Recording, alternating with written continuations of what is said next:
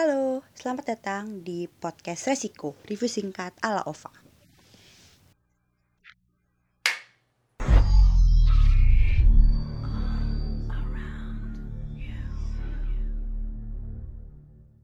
Gila nih, gila.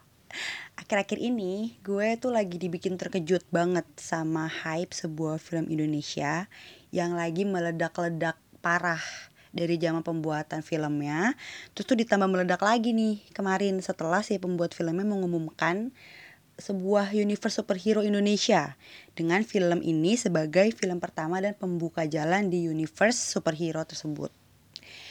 Ya, seperti yang teman-teman pendengar bisa lihat di cover podcast gue hari ini, gue mau bahas film Gundala.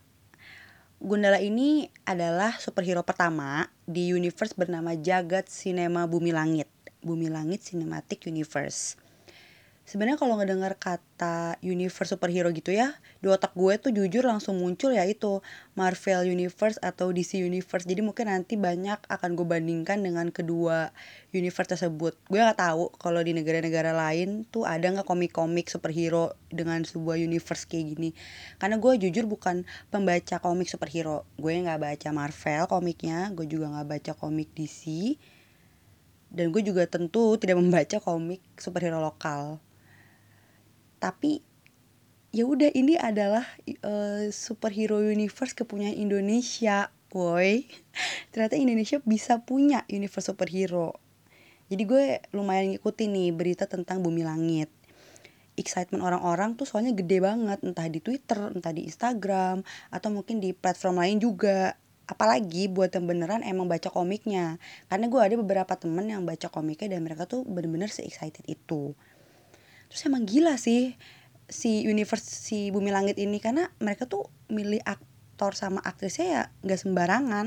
Udah kayak apa ya sesepuh sesepuh aktris aktor Indonesia gitulah pokoknya kalian bisa browsing sendiri. Gue aja jujur merinding lihat official poster superheroes yang dipilih menjadi superheroes dan villainnya nih gila deh.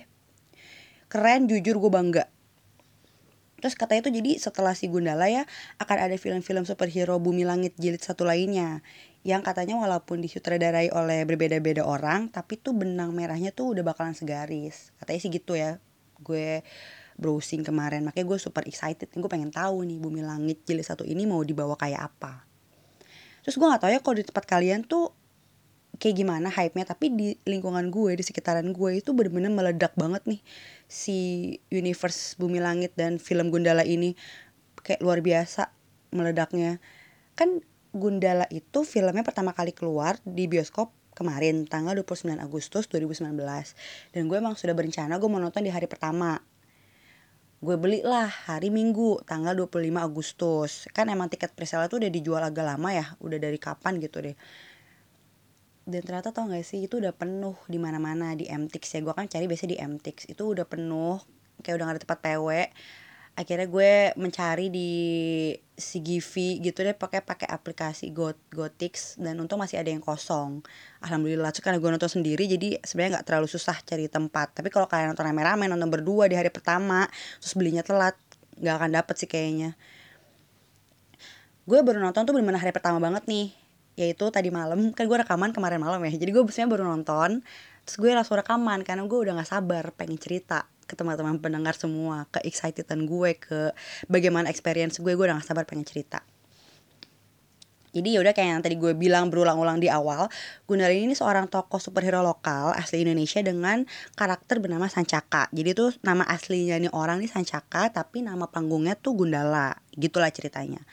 Film ini digarap sama Joko Anwar yang gue sudah tidak perlu bilang kan track recordnya Joko Anwar tuh kayak apa. Gue sendiri ini big fan of him gitu loh jadi gue tidak akan terlalu banyak komentar soal Joko Anwar dan cerita Gundala ini diangkat dari komik karya Harya Suraminata yang keluar tahun 1969 dengan judul Gundala Putra Petir. Komiknya ini tuh juga udah dirilis dalam 23 judul yang berbeda-beda hingga tahun 1982 waktu gue melakukan research browsing-browsing kemarin nih sebelum nonton tuh banyak sih fakta-fakta menarik yang gue temuin. Nah sebelum research gue tuh jujur agak judgmental karena dari hipnosis sekilas terus gue ngeliat trailer kan pakai petir-petir gitu ya gue tuh lumayan mengingatkan gue sama tokoh superhero DC The Flash tau nggak? Yang ada seriesnya. Gue tahu karena gue lumayan ngikutin nih itu satu-satunya tokoh uh, superhero yang gue ikutin seriesnya The Flash. Jadi gue langsung mikir kayak ah bawa-bawanya ngikutin kan nih tapi emang pas gue browsing tuh ternyata katanya ya semoga nih sumber yang gue baca bener si pembuat komik tuh emang terang-terangan bilang kalau dia tuh terinspirasi memang dari tokoh Flash di komik DC tapi ceritanya tuh dia kembangin sendiri dibikin sendiri karena banyak cerita di komik The Flash tuh yang dia kurang serak. Jadi pas gue baca itu oke okay, berarti masih ada kreativitas tersendiri nih di cerita ini nggak yang plek ketiplek ngikutin. Dan ternyata bener Gundala tuh bener-bener jauh beda sama The Flash yang sama tuh cuman ya bagian petirnya aja tapi sisanya beda jadi teman-teman nggak perlu khawatir dan nggak perlu judgmental nonton dulu aja buat ngebuktiin di podcast kali ini gue akan langsung loncat ya ke review tanpa menceritakan hipnosis ceritanya. Mungkin dari teman-teman pendengar tuh ada yang udah browsing-browsing hipnosis Gundala kayak gue kemarin. Cuman nggak tahu nih yang gue browsing tuh kemarin tuh kayaknya Gundala versi komik semua kebanyakan. Saya setelah gue baca secara sekilasnya terus gue compare sama cerita tadi gue nonton film itu tuh rada beda. Tapi yaudah gue gak mau ambil pusing ya masalah cerita. Soalnya gue juga bukan pengikut komiknya. Dan gue masih menikmati cerita yang disuguhkan di film Jadi not a big deal. Terus gue juga memutuskan kayaknya emang lebih nikmat gitu. Menikmati tanpa tahu ceritanya apa. Intinya cuma tahu aja gitu garis besarnya. Ya udah Gundala adalah superhero lokal Indonesia Dengan kekuatan yang ada hubungannya sama petir karena experience dan apa ya pokoknya gue pengen teman-teman merasakan yang gue rasakan. Dengan tidak tahu mencari tahu sendiri jadi lebih puas. Jadi gue akan langsung loncat ke review. Film ini sebenarnya tuh overall asik ceritanya. Indonesia banget, membumi banget. Kayak asal usulnya si Gundala, asal usul villainnya Itu tuh semuanya somehow relate sama keadaan Indonesia. Jadi gue ini nontonnya terikat.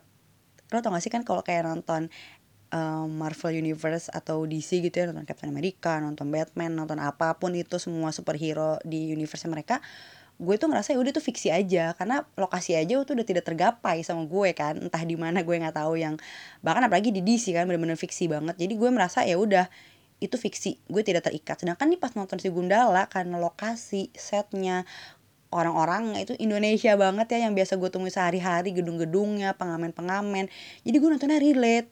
Kayak oh iya ya Indonesia tuh butuh sebenarnya superhero seorang tokoh superhero kayak Gundala.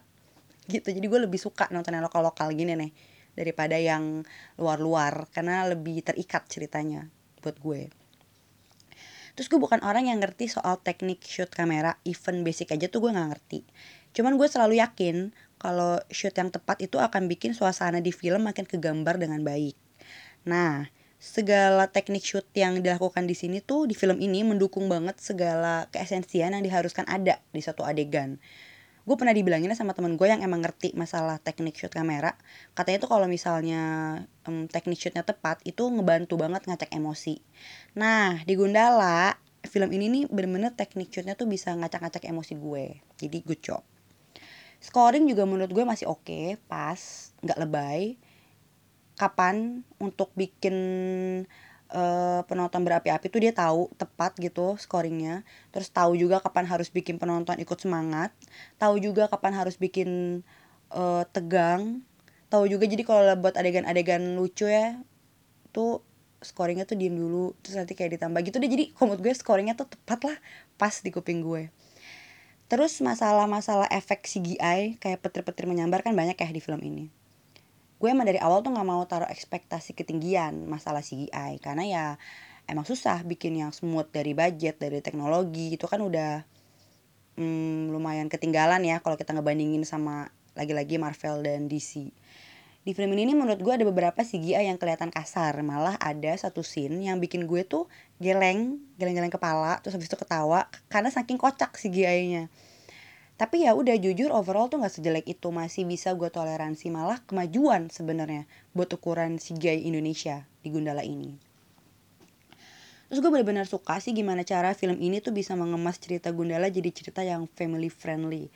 Bahkan walaupun dialognya tuh agak kaku ya agak kurang bahasa sehari-hari tapi tetap bisa dinikmati. Terus bagian kocaknya beneran kocak nggak yang jayus garing gitu. Terus gue tuh juga jatuh cinta banget sama adegan-adegan bela dirinya. Gila keren banget.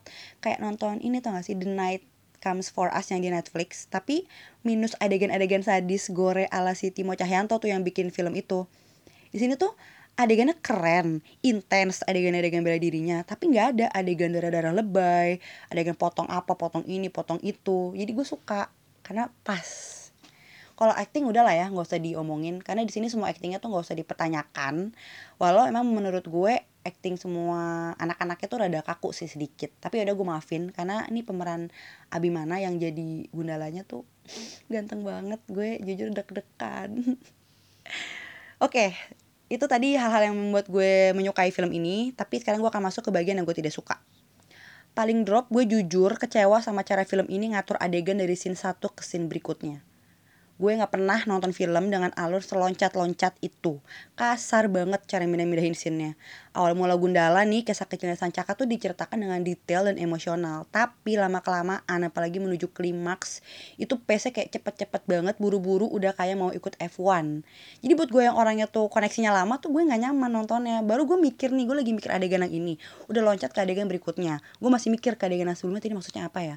Oke udah nangkep gue mau mikir adegan yang ini. Eh dia udah loncat lagi. Jadi kayak buru-buru banget. Makanya gue jadi takut nih lumayan banyak yang nggak sengaja ke skip sama gue terus gue sebenarnya suka ide konflik dari film ini. Ide konfliknya tuh gue suka tapi eksekusinya agak menggajal apalagi di bagian klimaks ending pasti Gundala nih menyelesaikan masalah. Itu ampun aneh banget kalau menurut gue. Gue sampai ngakak ngakak gitu loh. Terus sampai orang sebelah gue tuh ngeliatin. Karena ya it's supposed to be adegan yang membuat orang adegan tapi eh adegan harusnya membuat orang tuh merinding gitu ya. Karena kan itu ending tapi gue enggak gue malah ketawa gitu deh pokoknya aneh banget menurut gue klimaks endingnya. Terus terakhirnya gue agak menyayangkan karena karakter villainnya itu yang bener-bener diceritain sampai tuntas latar belakangnya tujuannya tuh cuma satu nih yang karakter utama karakter villain utama. Sisanya tuh enggak padahal lumayan banyak. Yang lainnya tuh kayak cuma tahu-tahu dikumpulin terus untuk ngelawan si Gundala aja. Belum terlalu dibuka di film ini gitu lah pokoknya akhir kata gue akan tetap bilang kalau Gundala ini adalah film yang tepat sih buat jadi ini film pembuka untuk sebuah universe superhero. Film ini banyak meninggalkan pertanyaan di mana-mana. Jadi kalau konflik dari film ini tuh udah selesai ya udah ketemu ending. Tapi sebenarnya cerita sesungguhnya konflik sesungguhnya itu tuh masih banyak masih dibikin nanggung banget deh masih kentang banget masih meninggalkan pertanyaan di mana-mana. Jadi gue jujur agak kesel nontonnya karena kayak nggak tuntas. Tapi terus gue mikir oh ya tapi kan ini film pertama ya mau dibuat kayak jangka panjang universe gitu kan yang bertahun-tahun. Jadi mungkin nanti akan dijelaskan di film-film yang lainnya gitu. Nilai dari gue yang tujuh kali ya tujuh dari sepuluh soalnya film ini oke okay, bagus asik relate. Tapi sorry banget masalah pace kecepatan terus masalah keanehan keanehan serta kenanggungan kenanggungan yang gue temui itu agak susah gue obati sih. Walau emang dari acting set lokasi scoring shoot kamera itu semua udah perfect.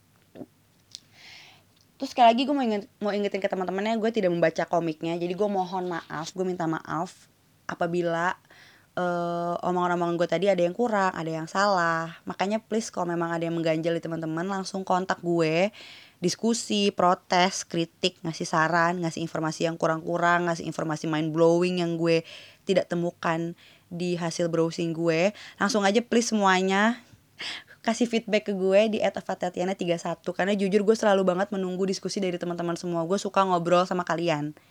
Gitu ya. Semoga film ini cocok buat nemenin weekend uh, besok Sabtu Minggu. Semoga tiketnya masih ada. Semoga teman-teman menikmati, tetap bisa menghargai film ini dan please jangan spoiler karena memang film ini memang lebih akan bagus ditonton, lebih nikmat kalau tidak ada spoiler. Thank you so much for listening. Sampai jumpa di podcast Resiko minggu depan. Happy weekend. Bye.